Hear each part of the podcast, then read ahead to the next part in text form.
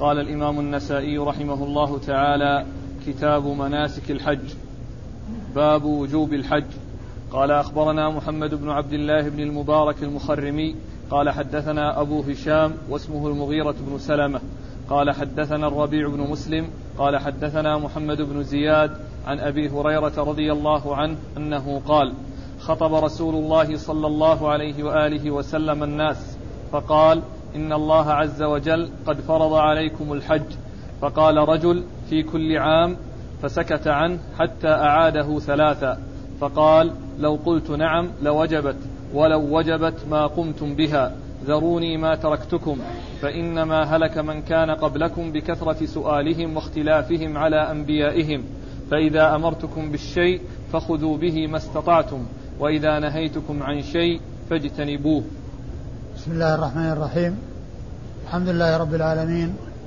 وصلى الله وسلم وبارك على عبده ورسوله نبينا محمد وعلى آله وأصحابه أجمعين أما بعد.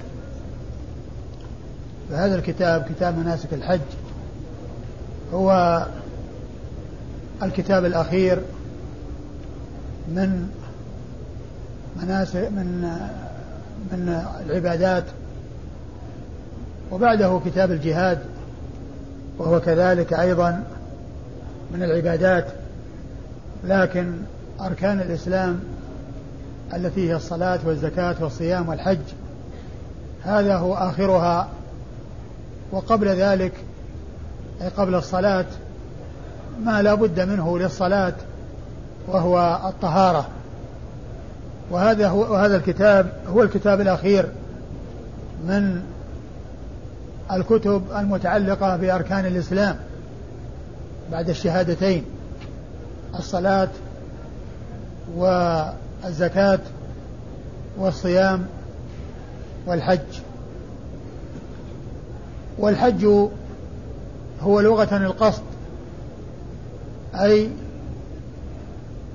القصد المطلق الذي يشمل أي قصد يقال له الحج. هذا من حيث اللغة.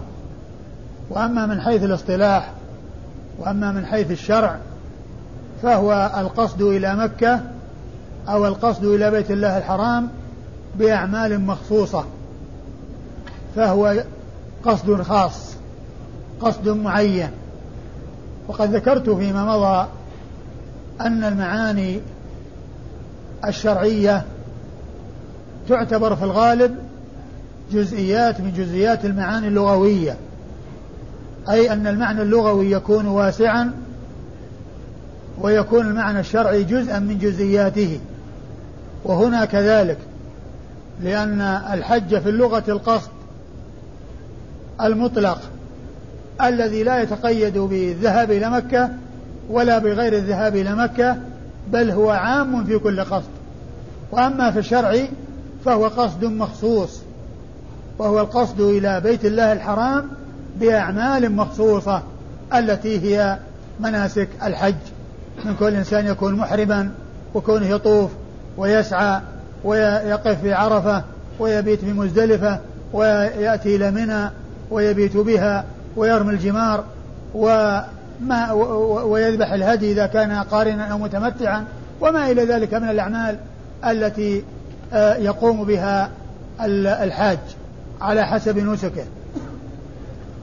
والحج كما هو معلوم هو أنساك ثلاثة لأنه قران لأنه تمتع وقران وإفراد. قران وتمتع تمتع وقران وإفراد. فهو أنساك ثلاثة. و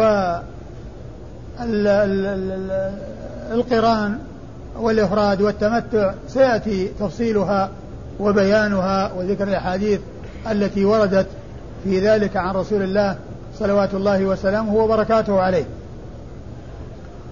وعلى هذا فالحج عرفنا أنه في الشرع جزء من جزئيات المعاني اللغوية.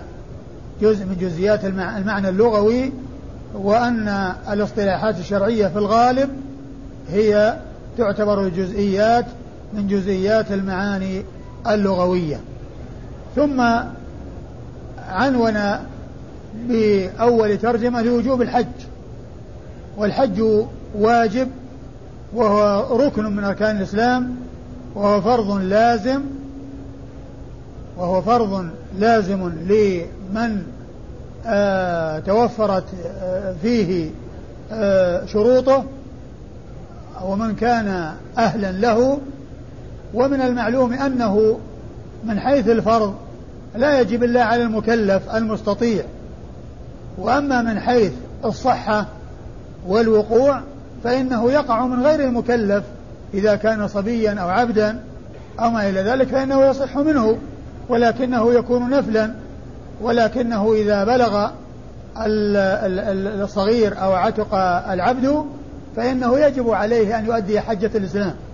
وتكون الحجة التي أداها في حال صغره وفي حال عبوديته وفي حال رقه فإنها تكون نفلا ولا تكون فرضا بل عند البلوغ وعند حصول الحرية آه، يجب عليه أن يؤديه. فهو ركن من أركان الإسلام التي يقوم عليها هذا الدين الحنيف والتي قال فيها الرسول الكريم صلى الله عليه وسلم في حديث جبريل آه، لما قال وأخبرني عن الإسلام قال أن تشهد أن لا إله إلا الله وأن محمد رسول الله وتقيم الصلاة وتؤتي الزكاة تصوم رمضان وتحج البيت إن استطعت إليه سبيلا. وفي حديث ابن عمر المتفق على صحة بني الإسلام على خمس شهادة أن لا إله إلا الله وأن محمد رسول الله وإقام الصلاة وإيتاء الزكاة وحج البيت وصوم رمضان. فهو فرض آآ آآ فرض فرضه الله عز وجل على عباده وقد فرض في العمر مرة واحدة. والعبادات التي هي الصلاة والزكاة والصيام والحج فرضت على أوجه مختلفة. فالصلاة فرضت في اليوم والليلة خمس مرات. والزكاة فرضت في السنة مرة واحدة على من يجب تجب عليه الزكاة. إذا كان من الخارج من الثمار من الأرض فعند حصول الحصاد والجذاذ وإذا كان نقود أو عروض تجارة فعند حولان الحول فعند حولان الحول. وفي كل ذلك لا بد من النصاب. فإذا الزكاة تجب على بعض على بعض الناس وهم الأغنياء. تجب عليهم الزكاة ب يعني بشروط معينة. هي كونه يبلغ النصاب وكونه يحول عليه الحول. إذا لم يكن من الأشياء الخارجة من الأرض فلا يجب في كل وقت وفي كل حين في أيام السنة وفي أشهر السنة وإنما يجب في السنة مرة واحدة. والصيام يجب في السنة شهرا واحدا والحج يجب في العمر مرة واحدة. وما زاد على ذلك فهو تطوع. والحج يجب في العمر مرة واحدة. وما زاد على ذلك فهو تطوع. قد أورد النسائي للاستدلال على وجوب الحج حديث أبي هريرة رضي الله عنه أن النبي عليه الصلاة والسلام قال إن خطب الناس وقال إن الله فرض عليكم الحج إن الله فرض عليكم الحج. الرسول صلى الله عليه وسلم خطب الناس وأعلن هذه الأحكام على المنبر وهذا من كمال بيانه عليه الصلاة والسلام وأنه يبين للناس الأحكام وبعضها يبينها في خطبه ويعلنها على المنابر حتى يكثر سامعوها وحتى يفهمها الناس ويعقلها الناس ويكثر سامعوها وهذا مما خطب به النبي عليه الصلاة والسلام. ومن المعلوم أن السنن تكون بالخطب وغيرها وتكون بالحديث بحديثه للشخص الواحد وبغير ذلك. لكنه إذا جاء عن طريق الخطب هذا من الأشياء أو من من من من, من ال الأمور التي آه تعم ويكثر سامعوها ويكثر آخذوها وهو من كمال بيانه عليه الصلاة والسلام ونصحه لأمته عليه أفضل الصلاة وأتم التسليم. فوجوب الحج مأخوذ من قوله إن الله فرض عليكم الحج. إن الله فرض عليكم الحج. وفي بعض الأحاديث فحجوا. إن الله فرض عليكم الحج فحجوا. لكن كونه عبر بالفرض هذا يدل على الوجوب. ومن المعلوم أن الوجوب يكون عن طريق الأمر ويكون عن طريق الألفاظ التي تؤدي ما يؤديه الأمر بل قد تزيد على ذلك مثل الفرض. لأن التعبير بالفرض يدل على الوجوب. إن الله تعالى فرض كذا يعني أنه أوجبه. فهو يدل على وجوبه ولزومه وليست الصيغة صيغة أمر. لأن الأمر يكون بالصيغة التي هي افعل أو افعلوا ويكون له ألفاظ تؤدي معناه وهي على صيغة الخبر. على صيغة الخبر كما هنا إن الله فرض عليكم الحج. عبر بفرض وهي دالة على الوجوب والتحتم واللزوم. فالرسول صلى الله عليه وسلم قال إن الله فرض عليكم الحج. ومن المعلوم أن المتبادر إلى الأذهان أنه يكون مرة واحدة لأنه لو كان المقصود أن يحجوا في كل سنة أو يحجوا في العمر, في العمر عدة سنوات لجاء جاء بيانه وجاء تقييده لكنه لما جاء مطلقا ولم يأتي شيء يدل على تقييده يدل على أن الحج إنما يكون مرة واحدة إنما يكون مرة واحدة. فلما قال الرسول صلى الله عليه وسلم للناس إن الله فرض عليكم الحج قال رجل أفي كل عام يا رسول الله؟ فالرسول صلى الله عليه وسلم أعرض عنه وسكت. فلما كرر ذلك ثلاثا لما كرر ذلك ثلاثا يسأل هذا السؤال قال لو قلت نعم لوجبت. لو قلت في كل عام لوجبت. ولو وجبت ما استطعتم. من ذا الذي يستطيع أن يحج في كل عام؟ من حين يبلغ إلى أن يموت. هذا فيه من المشقة ما فيه وفيه من الضرر ما فيه. فالرسول صلى الله عليه وسلم غضب من هذا السؤال ولم يجب السائل ولكنه لما كرر قال لو قلت نعم لوجبت يعني لوجب عليكم الحج في كل سنة ولو وجبت ما استطعتم. لو أوجب عليكم أن تحجوا كل عام ما استطعتم. لأن هذا فيما مشقة ما فيه. ثم كيف الناس؟ كل مستطيع يترك بلده ويروح للحج. يعني من كل قادر وكل مستطيع في الدنيا يتعين عليه أنه يمشي في كل سنة وأن يذهب إلى الحج. وهذا فيه من المشقة ما فيه وفيه من الأضرار ما فيه. لا بالنسبة للحاج ولا بالنسبة لمن يكون وراء الحاج. لا بالنسبة لمن يحج ولا بالنسبة لمن يخلف الحاج وراءه من الناس الذين يعولهم وهو مسؤول عنهم. فبين عليه الصلاة والسلام أنه كان ينبغي أن لا يسأل عن هذا السؤال. والمفهوم المتبادل للأذهان أنه يجب في العمر مرة واحدة ولا يجب في كل سنة لأنه لو كان موجبا بأعداد معينة لجاء بيانها كما جاء إجابة الصلاة في اليوم والليلة خمس مرات. ما قال ما كتب عليكم الصلاة وسكت. قال كتب عليكم الصلاة في كل يوم خمس في كل يوم والليلة خمس مرات. جاء التنصيص على العدد عندما فرضت. عندما فرضت جاء التنصيص على أعداده. وهنا لو كان هناك حجات معينة لازمة لكل إنسان.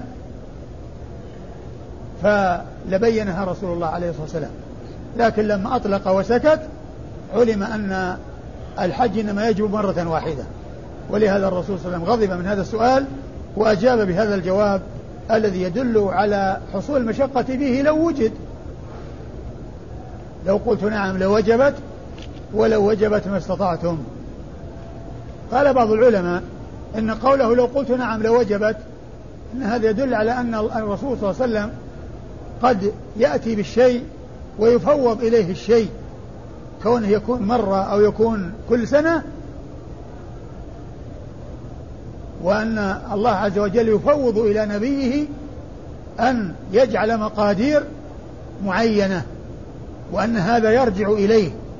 وهذا ليس بواضح لأن الرسول عليه الصلاة والسلام كل ما يأتي به فهو من الله سبحانه وتعالى. وقد يحصل منه الاجتهاد ولكنه يبين يعني إقراره أو يعني عتابه عليه كما جاء في قصص متعددة فيما يتعلق بالأسرى بأسرى بدر وكذلك فيما يتعلق بقصة ابن أم مكتوم عبس وتولى وفي غير ذلك من الأشياء التي جاء بيانها في القرآن. فدل هذا على أن الرسول عليه الصلاة والسلام إنما يأتي بالشيء عن الله. ولو قال نعم فإنما يقوله عن الله. يعني أن الله تعالى يعني يوحي إليه بذلك. لكن كونه يقول ذلك من تلقاء نفسه وبدون وحي الله عز وجل إليه هذا لا يحصل لأن الله تعالى يقول وما ينطق عن الهوى إن هو إلا وحي يوحى. ثم أيضا الحديث الذي سبق أن مر بنا في بيان آه، فرائض الصدقة والتفاصيل التي فيه بالنسبة للإبل والبقر والغنم ومقاديرها. وقد جاء في أوله فريضة الصدقة التي أمر الله تعالى بها رسوله.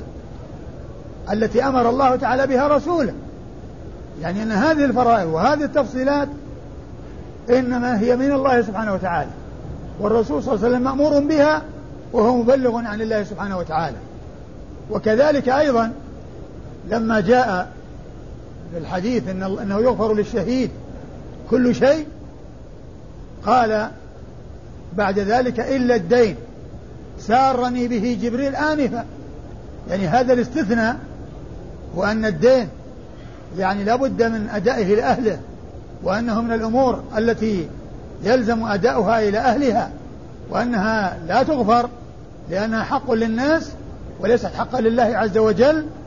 قال إلا الدين سارني به جبريل آنفا. يعني معناها أن جبريل جاءه وساره بهذا الاستثناء فهو وحي من الله عز وجل وحي والسنة وحي. وهي من الله وليست من الرسول صلى الله عليه وسلم ابتداء بل هي من الله عز وجل. والكتاب والسنة هما من الله. والرسول يقول أتيت القرآن ومثله معه. وهو السنة. ومن المعلوم أن النبي أن أن الكتاب والسنة كلها وحي من الله إلا أن القرآن وحي متلو والسنة إنما هو إنما هي وحي غير متلو. ولكن التعبد في الجميع والتقرب إلى الله عز وجل بالجميع بما جاء في الكتاب والسنة. ومن لم يؤمن بالسنة لم يؤمن بالقرآن. والله تعالى يقول وما آتاكم الرسول فخذوه وما نهاكم عنه فانتهوا. وما آتاهم الله عز وجل وما آتاهم الرسول صلى الله عليه وسلم إنما هو من الله سبحانه وتعالى. إنما هو منه سبحانه وتعالى. ثم إن النبي عليه الصلاة والسلام لما بين أن هذا السؤال ما كان ينبغي أن يسأل عنه وأنه لو قال نعم لوجبت ولو وجبت ما استطاعوا ثم قال ذروني ما تركتكم. يعني مثل هذه الأسئلة التي فيها تكلف وفيها تشدد هذه لا ينبغي أن يشتغل بها ولا ينبغي أن يسأل عنها وأن الناس يأخذون بما جاء عن النبي صلى الله عليه وسلم وما يقتضيه كلامه.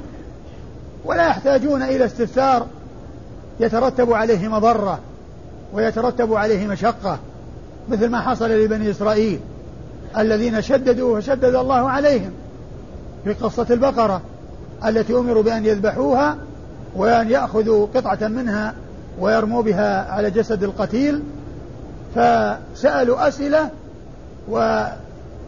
وتشددوا في شددوا في أسئلتهم فشدد عليهم.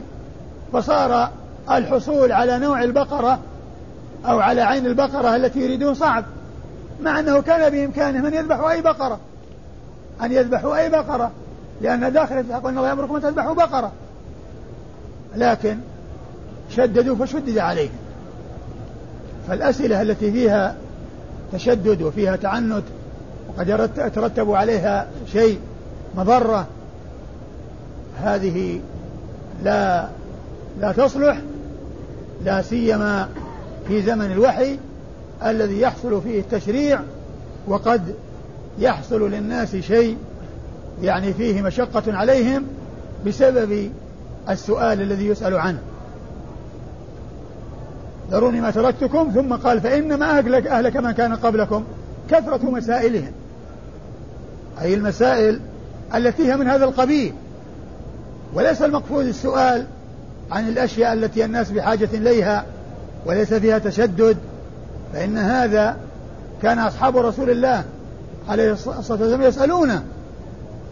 كانوا يسألونه عن أمور دينهم ويسألونه عما أشكل عليهم وعن الشيء الذي يحتاج إلى تفصيل وإلى بيان يسألونه.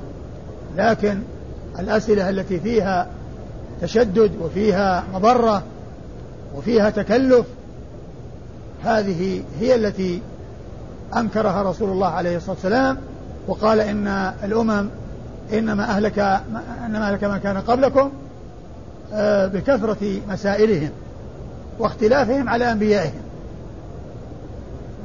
ثم إن النبي عليه الصلاة والسلام أرشد إلى أن الأوامر والنواهي التي تأتي عنه فإنها في باب المأمورات يؤتى بها على قدر طاقة الإنسان. لا يكلف الله نفسا لا وسعها. وأما المناهي فإنها تترك وهي في وسع الإنسان وفي طاقة الإنسان لأنه ترك. والترك سهل لمن وفقه الله عز وجل. ولهذا قال فإذا أمرتكم بأمر فأتوا منه ما استطعتم. فإذا أمرتكم نعم. فإذا أمرتكم بالشيء فخذوا به ما استطعتم. فإذا أمرتكم بالشيء فخذوا به ما استطعتم.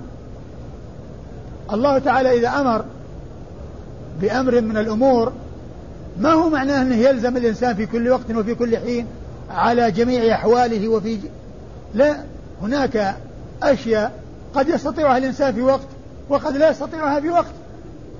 كالصلاة فإن الإنسان يستطيع أن يصلي قائما. في حال صحته وعافيته لكن قد يصيبه مرض فلا يستطيع أن يصلي قائما. فليس ملزما بأن يصلي قائما دائما وأبدا ولو كان مريضا ولو كان لا يستطيع لا. بل الإنسان يصلي على قدر طاقته. يأتي بالأمر وينفذه على قدر طاقته. فإذا كان يستطيع أن يصلي قائما لا, يجوز له أن يصلي قاعدا. وهذا في حال الفرض. لا يجوز أن يصلي الفرض قاعدا ويقدر على القيام. لا تصح صلاته. لو صلى قاعدا ويقدر على القيام لا تصح صلاته.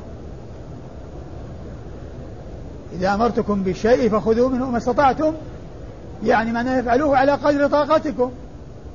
لستم ملزمين بأن أن تؤتوا بالشيء وأنتم لا تقدرون عليه. بل هناك فرق بين حال الصحة وحال المرض. ولهذا جاء في الحديث عن النبي صلى الله عليه وسلم ما يوضح ذلك بالنسبة للصلاة حيث قال صلي قائما فإن لم تستطع فقاعدا فإن لم تستطع فعلى جنب. وبالنسبة للصيام إذا كان الإنسان مريض يفطر ويقضي أيام. من كان يكون مريضا أو على سفر فعدة من أيام أخرى. ليس ملزم بأن يصوم ولا يستطيع. ليس ملزما بأن يصوم ولا ولا يستطيع. إذا الأوامر تكاليف. والتكاليف يمكن الإنسان أن يأتي بها في حال صحته وعافيته وقدرته وقد لا يتمكن لحصول مرض طرأ عليه. فلا يلزم بالفعل في جميع الأحوال بل هو معذور في حال مرضه وله أن يصلي قاعدا وله أن يفطر إذا كان مريضا ويقضي بدل الأيام من رمضان التي يفطرها أيام أخرى إذا أمرتكم بشيء فأتوا منه ما استطعتم. ما قال افعلوه لازما افعلوه بدون قيد أو شرط. ولو ولو كان هناك عدم استطاعة لا. قيده بالاستطاعة. لكن لما جاء النواهي ما قال ما استطعتم قال اجتنبوه. ولم يقيده بالاستطاعة. لماذا؟ لأن النهي لأن الترك مستطاع. الترك مستطاع. ما هو مثل الأمر يستطاع وقد لا يستطاع؟ الأمر قد يستطاع وقد لا يستطاع. وأما الترك فهو مستطاع. إذا قال صلي صلي. أنت استطاع قائما صلي وإلا صلي قاعدا وإلا على جنب. لكن إذا قال لا تزني لا تسرق لا تفعل كذا لا تفعل. أنت لا تستطيع أن لا تفعل. ما هو شيء الإنسان يتحمله ولا يقدر قد يقدر عليه وقد لا يقدر عليه وإنما يستطيع أن يتركه. لأن الترك مستطاع. وإنما الذي قد يستطاع وقد لا يستطاع الفعل. ولهذا جاء التقييد بالفعل بالاستطاعة ولم يقيد الترك بالاستطاعة. بل قال اجتنبوه. أي كونوا في جانب بعيد عنه هو في جانب وأنتم في جانب بأن تبتعدوا عنه. ولا تقربوه. وهذا مثل لو أن إنسانا قال احمل هذه الصخرة انقلها. قد يستطيع الإنسان حملها وقد لا يستطيع. لأن الحمل فعل. فقد يستطيع يحرك الصخرة وقد لا يستطيع يحركها إذا استطاع يحملها إذا استطاع يخليها في مكانه لكن إذا قل لا تدخل مع هذا الباب. يستطيع أن ما يدخل مع الباب. يستطيع كل يستطيع أن ما يدخل مع الباب. إذا قل لا تدخل مع هذا الباب أو نهي أحد ما يدخل مع الباب يستطيع. فكذلك لا تزني لا تسرق لا تفعل لا تفعل. هذه تستطاع لأنها تروك. لأنها تروك والتروك مستطاعة. وإنما التي تستطاع وقد يستطاع ولا يستطاع هي الأوامر التكاليف. هي التي فيها يعني آه، مشقة. والإنسان يؤدي ما أمر بفعله ولو شق فعله على النفس ولا يقدم على المعصية ولو مالت إليها النفس ولو مالت إليها النفس وقد جاء عن النبي صلى الله عليه وسلم أنه قال حفت الجنة بالمكاره وحفت النار بالشهوات. حفت الجنة بالمكاره فيها أفعال تحتاج إلى صبر. حفت النار بالشهوات ما تميل إليه النفوس تشتهيه النفوس. لكن التكاليف التي يصبر الإنسان عليها ولو شقت على النفوس تعقبها الفائدة والنتائج الطيبة والعواقب الحميدة.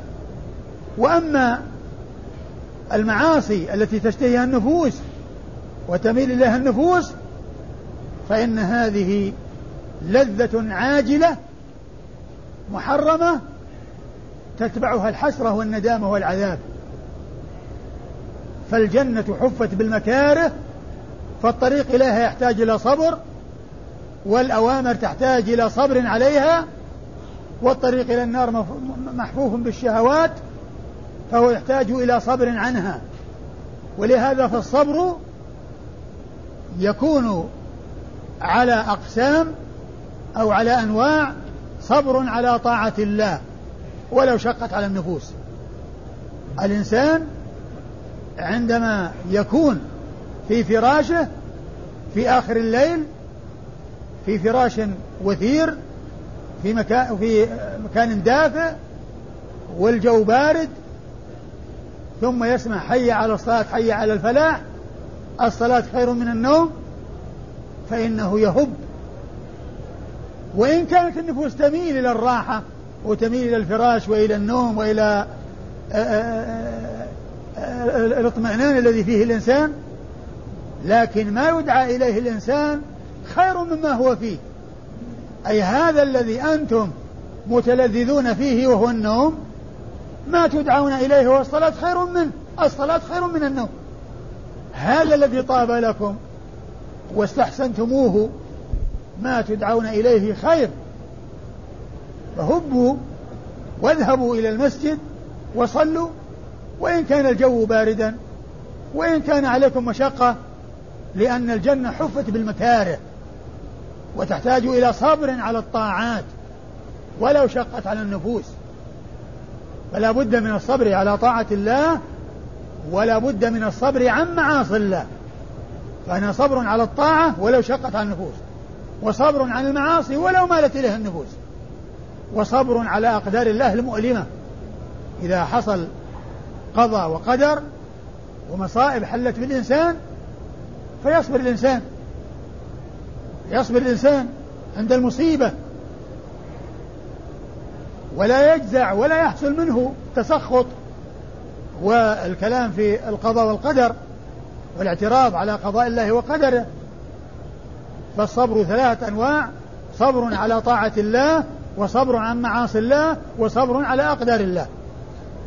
فيصبر على الطاعات ولو شقت على النفوس ويصبر عن المعاصي ولو مالت إليها النفوس ويصبر على أقدار الله المؤلمه المؤلمة كالحوادث والمصائب التي تحصل للناس من فقد الآباء والأبناء وحصول الكوارث المالية.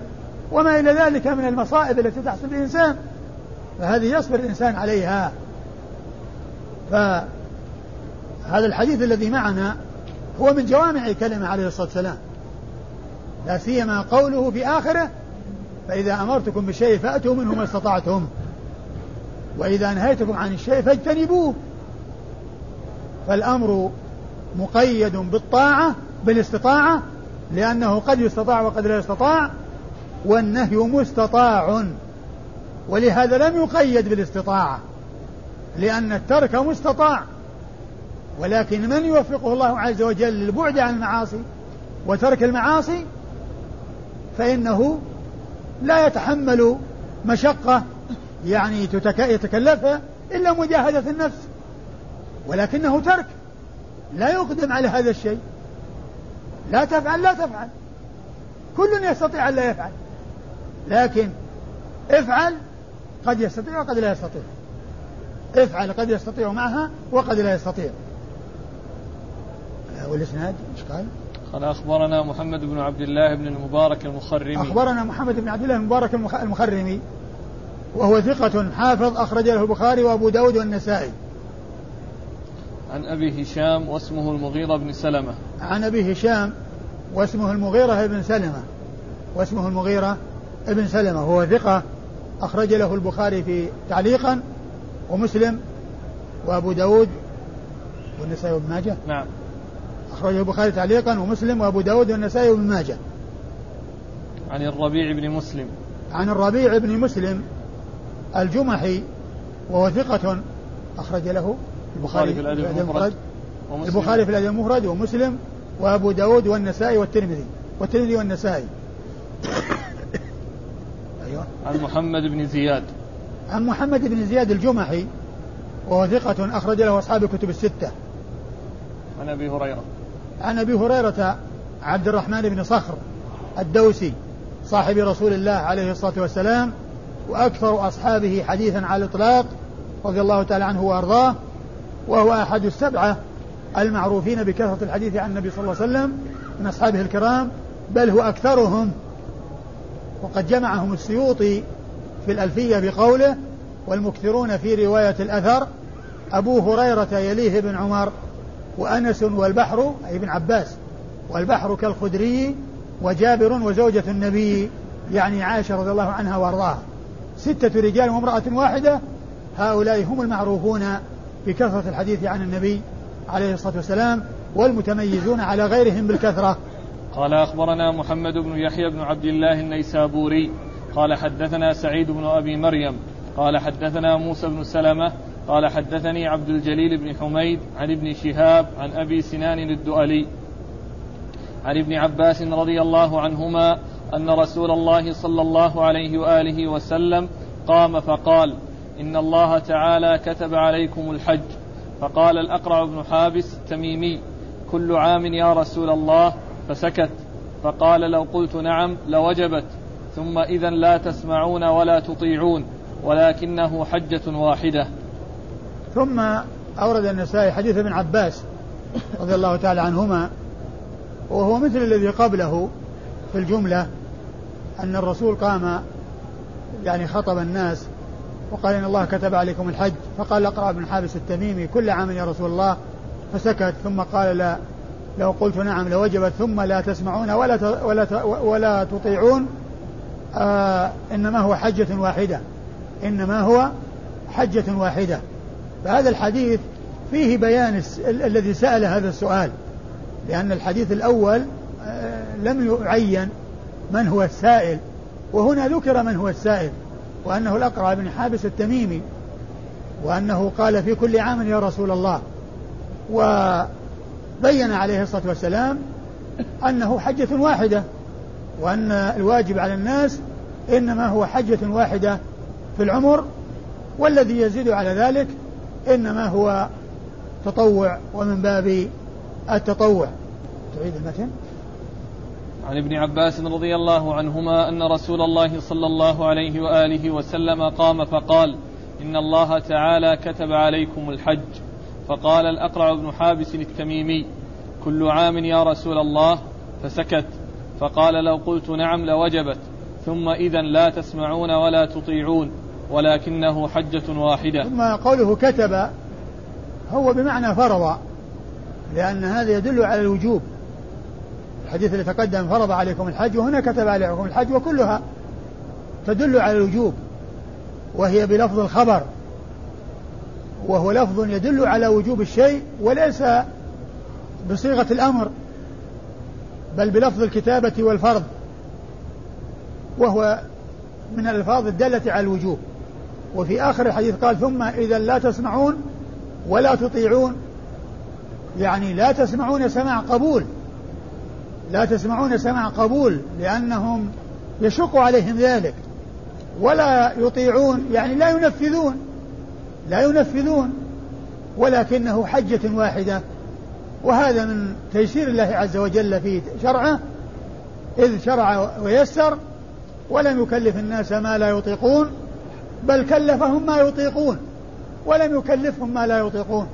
وهذا من تيسير الله عز وجل وتخفيفه على عباده وتيسيره على أمة محمد صلوات الله وسلامه وبركاته عليه. نعم قال أخبرنا محمد بن يحيى بن عبد الله النيسابوري. أخبرنا محمد بن يحيى بن عبد الله النيسابوري هو الذهلي وهو ثقة أخرج له البخاري وأصحاب السنة الأربعة.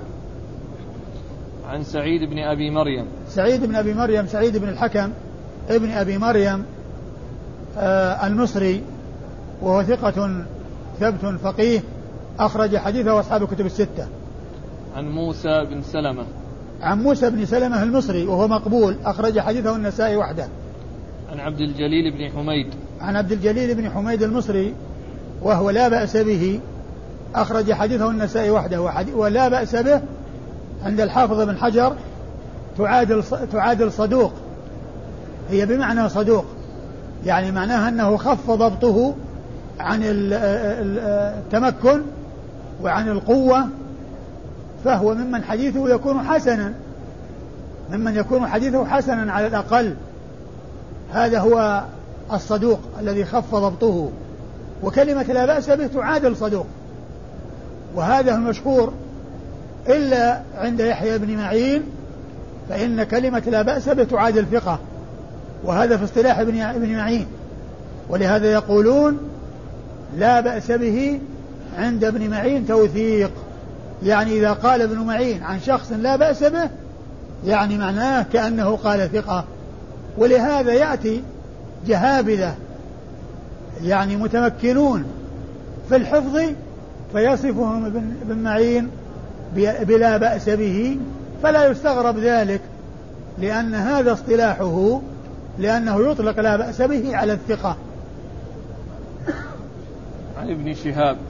عن ابن شهاب محمد بن مسلم. ابن شهاب الزهري ثقة فقيه من صغار التابعين مكثر من الرواية وحديثه أخرجه أصحاب الكتب الستة.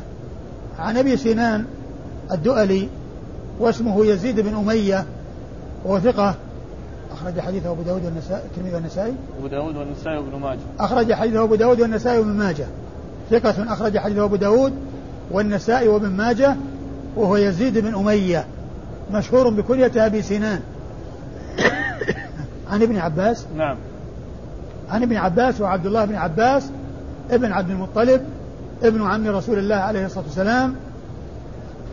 وهو أحد السبعة المعروفين بكثرة الحديث عن النبي عليه الصلاة والسلام والذين ذكرتهم آنفا عند ذكر أبي هريرة رضي الله تعالى عن الصحابة أجمعين. قال وجوب العمرة. قال أخبرنا محمد بن عبد الأعلى قال حدثنا خالد قال حدثنا شعبة قال سمعت النعمان بن سالم قال سمعت عمرو بن أوس يحدث عن أبي رزين أنه قال يا رسول الله إن أبي شيخ كبير لا يستطيع الحج ولا العمرة ولا الظعن قال فحج عن أبيك واعتمر. والعمرة اختلف فيها. من العلماء من قال بأنها واجبة في العمر مرة واحدة. ومنهم من قال بأنها غير واجبة وإنما هي مستحبة. والذين يستدل والذين يقولون بوجوبها يستدلون بهذا الحديث. الذي فيه أن أبا رزين العقيلي رضي الله عنه لقيط بن صبرة جاء إلى النبي صلى الله عليه وسلم وقال إن أبي لا يستطيع الحج والعمرة ولا الضعن. يعني ما يستطيع السير والركوب والانتقال. فقال حج عن أبيك واعتمر. حج عن أبيك واعتمر. ففيه الأمر بالحج والأمر بالعمرة. إلا أن الذين يقولون بعدم الوجوب يقولون إن هذا إنما هو خطاب للفاعل الذي سيفعل عنه ولا يجب على الفاعل أن يفعل عن غيره شيئا. لا يجب على على الإنسان أن يفعل عن غيره شيئا. وإنما هو على سبيل الندب يعني كل إنسان يكون على غيره دين أو على أبيه على, على أبيه حج أو عمرة أو على قريبه أو يكون عليه صوم. يعني آه قالوا إنما يندب ويشرع له ويستحب له أن يصوم عنه. مات وعليه الصيام صام عنه وليه وحج عن أبيك واعتمر. يعني معناه أنه على سبيل الندب قالوا فلا يكون تكون العمرة واجبة. فلا تكون العمرة واجبة. والقول بالوجوب لا شك أنه هو الأحوط. والله والحج واجب وهذا لا خلاف فيه وهو أمر معلوم جنسا بالضرورة. وأما العمرة ففيها خلاف مشهور بين أهل العلم ولكن كل إنسان يؤدي العمرة لا سيما إذا جاء للحج. إذا جاء للحج فإنه يؤدي العمرة بأن يكون متمتعا أو قارنا. بأن يكون متمتعا أو قارنا فيكون حاجا معتمرا في رحلته للحج. يؤدي العمرة ويؤدي الحج وهذا أحوط له. كون يأتي بالعمرة ويفعلها. فالقول بالوجوب هو هو الأحوط وهو الذي يعني ينبغي أن لا يستهان به وأن الإنسان يجب تجب عليه العمرة في العمر مرة واحدة. إن إن إن إيش؟ قال النبي إن أبي شيخ كبير لا يستطيع الحج ولا العمرة ولا الظعن إن أبي شيخ كبير يعني هذا تمهيد لبيان العذر بيان عذر أبيه أنه شيخ وكبير ولا يستطيع الحج والعمرة ولا الظعن أي السير والانتقال أو الركوب. فقال حج عن أبيك واعتمر. وهذا يدل على أن الإنسان إذا كان حيا فإنه يمكن أن يحج عنه ويعتمر لكن إذا كان لا يستطيع السفر كهذا الذي جاء في الحديث لا يستطيع الحج ولا الضعان فإنه يحج عنه فيحج عن الحي في حالتين إحداهما أن يكون هرما كبير لا يستطيع السفر أو يكون مريضا مرضا لا يرجى برؤه أو يكون مرضا مريضا مرضا لا يرجى برؤه فهذا يحج عنه وهو حي أما الميت فيحج عنه. قال أخبرنا محمد بن عبد الأعلى. أخبرنا محمد بن عبد الأعلى هو البصري وهو ثقة أخرج حديثه مسلم وأبو داود في كتاب القدر والترمذي والنسائي وابن ماجه. عن خالد وهو بن الحارث البصري وهو ثقة أخرج له أصحاب الكتب الستة. عن شعبة. عن شعبة بن الحجاج الواسطي ثم البصري وهو ثقة ثبت. وصف بأنه أمير المؤمنين في الحديث وهي من أعلى صيغ التعديل وأرفعها. وحديثه أخرجه أصحاب الكتب الستة. عن النعمان بن سالم. عن النعمان بن سالم وهو إيش قال فيه؟ وهو ثقة. أخرج. له مسلم وأصحاب السنن. وهو ثقة. أخرج له مسلم وأصحاب السنن الأربعة. عن عمرو بن أوس. عن عمرو بن أوس بن أبي أوس وهو تابعي كبير ثقة. أخرج له أصحاب الكتب الستة. عن أبي رزين. عن أبي رزين العقيلي وهو لقيط بن صبرة وهو صحابي مشهور. وحديثه أخرجه البخاري في الأدب المفرد وأصحاب السنة الأربعة. قال فضل الحج المبرور. قال أخبرنا عبدة بن عبد الله الصفار البصري. قال حدثنا سويد وهو ابن عمرو الكلبي عن زهير أنه قال حدثنا سهيل عن سمي عن أبي صالح عن أبي هريرة رضي الله عنه أنه قال قال رسول الله صلى الله عليه وآله وسلم الحجة المبرورة ليس لها جزاء إلا الجنة. والعمرة إلى العمرة كفارة لما بينهما. ثم أورد النسائي هذه الترجمة وهي فضل الحجة الحج فضل الحج المبرور. أي أن صاحبه له الجنة وأن جزاءه الجنة. والمقصود من ذلك أنه يدخل الجنة من أول وهلة لأن الجنة يدخلها كل من لم يكن كافرا كل من مات وليس بكافر فإنه يدخل الجنة إما في أول الأمر وإما في آخر الأمر. لأن الجنة يدخلها كل مؤمن كل مسلم ومسلمة. من كان يستحق العذاب في النار وشاء الله أن يعذب يعذب. ولكن لا بد وأن يأتي عليه وقت من الأوقات يخرج من النار ويدخل الجنة. فالجنة هي للمسلمين والمؤمنين إما من أول وهلة وإما بعد أن يعذب الإنسان على ذنوبه ومعاصيه ولا يبقى في النار إلا الكفار الذين هم أهلها ولا سبيل لهم إلى الخروج منها. وإذا فكون جزائه الجنة يعني أن الله تعالى يجازي عليه بالجنة من أول وهلة. لأن الجنة هي لكل من مات على الإسلام. كل من مات على الإسلام ولم يكن من أهل الكفر ولم يكن يعني آه كافرا فإنه لا بد وأن ينتهي أمره ويؤول أمره إلى الجنة. وإن دخل النار وبقي فيها مدة طويلة لأن أهل الكبائر عندما يدخلون النار يخرجون منها بشفاعة الشافعين وبعفو, وبعفو أرحم الراحمين سبحانه وتعالى. ف فهذا فضل الحج المبرور. وما هو الحج المبرور؟ الحج المبرور هو الذي يأتي به الإنسان طبقا لما جاء عن رسول الله عليه الصلاة والسلام وسالما فيه من الإثم ومن المعاصي ويكون بعده علامته أن يكون بعده خير منه مما كان قبله. يعني معناه يحدث تحولا في حياة الإنسان وفي سلوك الإنسان من الحسن إلى الأحسن ومن السيء إلى الحسن. علامة الحج المبرور أن الإنسان ينظر إلى حاله بعد الحج. فإن كانت حاله قبل الحج سيئة وتحولت إلى حال حسنة فهذه علامة أنه حجه مبرور. وإن كان على حالة حسنة وتحول إلى حالة أحسن فهذه علامة أن الحج مبرور. فإذا الحج المبرور هو الذي يؤتى به على وفق ما جاء عن الرسول صلى الله عليه وسلم بعيدا فيه عن الإثم والمعاصي ويكون وعلامة ذلك أن يكون فيما بعده خير منه خيرا منه فيما كان قبل ذلك. هذا هو الحج المبرور الذي هو يعني مبنيا على بر وعلى صلاح وعلى طاعة وعلى استقامة على سبيل الحق والهدى. آه الحج الحج المبرور ليس له جزاء إلا الجنة. الحج المبرور هنا الحجة المبرورة. الحجة المبرورة. أيوة. ليس لها جزاء إلا الجنة ليس لها جزاء إلا الجنة. والعمرة إلى والعمرة إلى العمرة كفارة لما بينهما. لما ذكر فضل الحج ذكر فضل العمرة. وأن العمرة إلى العمرة كفارة لما بينهما. وهذا يدل على فضل العمرة وعلى فضل تكرار العمر.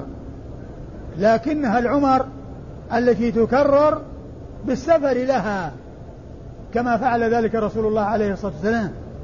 وأن الإنسان يذهب إلى مكة يريد العمرة. ما هو يجلس في مكة ويتردد على التنعيم؟ يأتي في اليوم في اليوم خمس مرات ست مرات سبع مرات. ويقول هذه عمر واعتمرت عشر مرات وخمس مرات. هذا ما فعله الرسول صلى الله عليه وسلم. بل العمرة المشروعة المستحبة هي التي الإنسان يقصد فيها البيت. ويتجه إلى البيت ليؤدي هذا النسك الذي هو العمرة. فكون الإنسان يكثر من العمرة ويكثر من السفر للعمرة هذا يدل الحديث يدل على فضله لأنه قال والعمرة إلى العمرة كفارة لما بينهما. فكل عمرة تكفر ما بينها وبين العمرة التي قبلها. تكفر ما بينها وبين العمرة التي قبلها. وهذا التكفير إنما هو للصغائر وأما الكبائر فلا بد فيها من التوبة. كل إنسان يذهب معتمر وهو مصر على المعصية ويقترف المعاصي ويتمنى المعاصي ويفكر في المعاصي لا يقال إن عمرة تكفر هذه المعاصي الكبيرة التي هو مصر عليها ومقترفها. بل تكفر السيئة الصغائر. ولهذا جاء في الحديث الحديث الذي يقول فيه الجمعة إلى الجمعة ورمضان إلى رمضان والصلوات الخمس مكفرة لما بينهن ما اجتنبت الكبائر. ويقول إن تجتنبوا كبائر ما تنهون عنه كفر عنكم سيئاتكم. لكن إذا كانت العمرة أو الحج معهما توبة فلا شك أن الإنسان يخرج بحجته التي تاب فيها من المعاصي من من من الذنوب الكبيرة والصغيرة إذا كانت التوبة موجودة. أما إذا كانت الحج موجود والعمرة موجودة والذنب مصر مصر عليه مصر عليه صاحبه ويفكر فيه ويتحرى متى يصل إليه ومتى يعني يتمكن منه يفعله.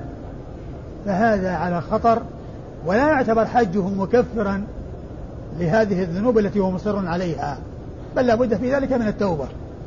قال أخبرنا عبدة بن عبد الله الصفار البصري. أخبرنا عبدة بن عبد الله الصفار البصري. وهو ثقة أخرج له البخاري وأصحاب السنن. أخرج له البخاري وأصحاب السنن. عن عن سويد وهو ابن عمرو الكلبي. سويد بن عمرو الكلبي وهو ثقة أخرج له مسلم والترمذي والنسائي وابن ماجه. مسلم والترمذي والنسائي وابن ماجه. وكلمة هو ابن عمرو الكلبي هذه زادها غير التلميذ. من أجل إيضاح من هو سويد. لأن التلميذ الذي هو عبده ما زاد على كلمة سويد.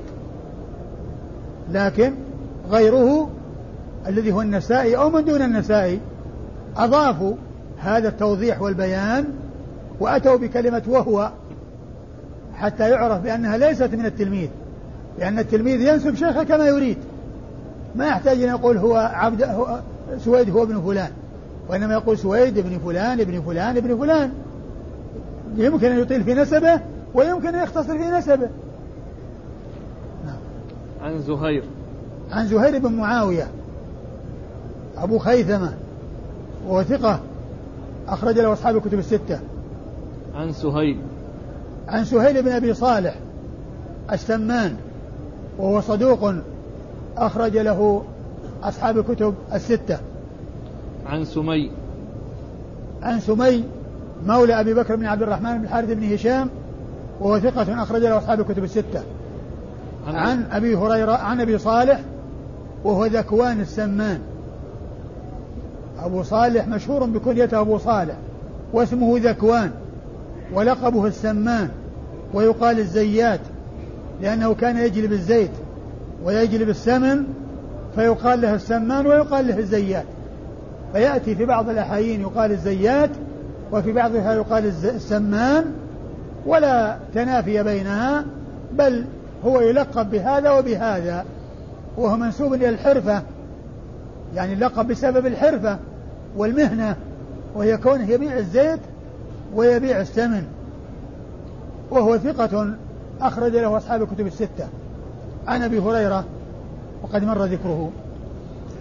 قال أخبرنا عمرو بن منصور قال حدثنا حجاج قال حدثنا شعبة قال أخبرني سهيل عن سمي عن أبي صالح عن أبي هريرة رضي الله عنه عن النبي صلى الله عليه وآله وسلم أنه قال الحجة الحجة المبرورة ليس لها ثواب إلا الجنة مثله سواء إلا أنه قال تكفر ما بينهما.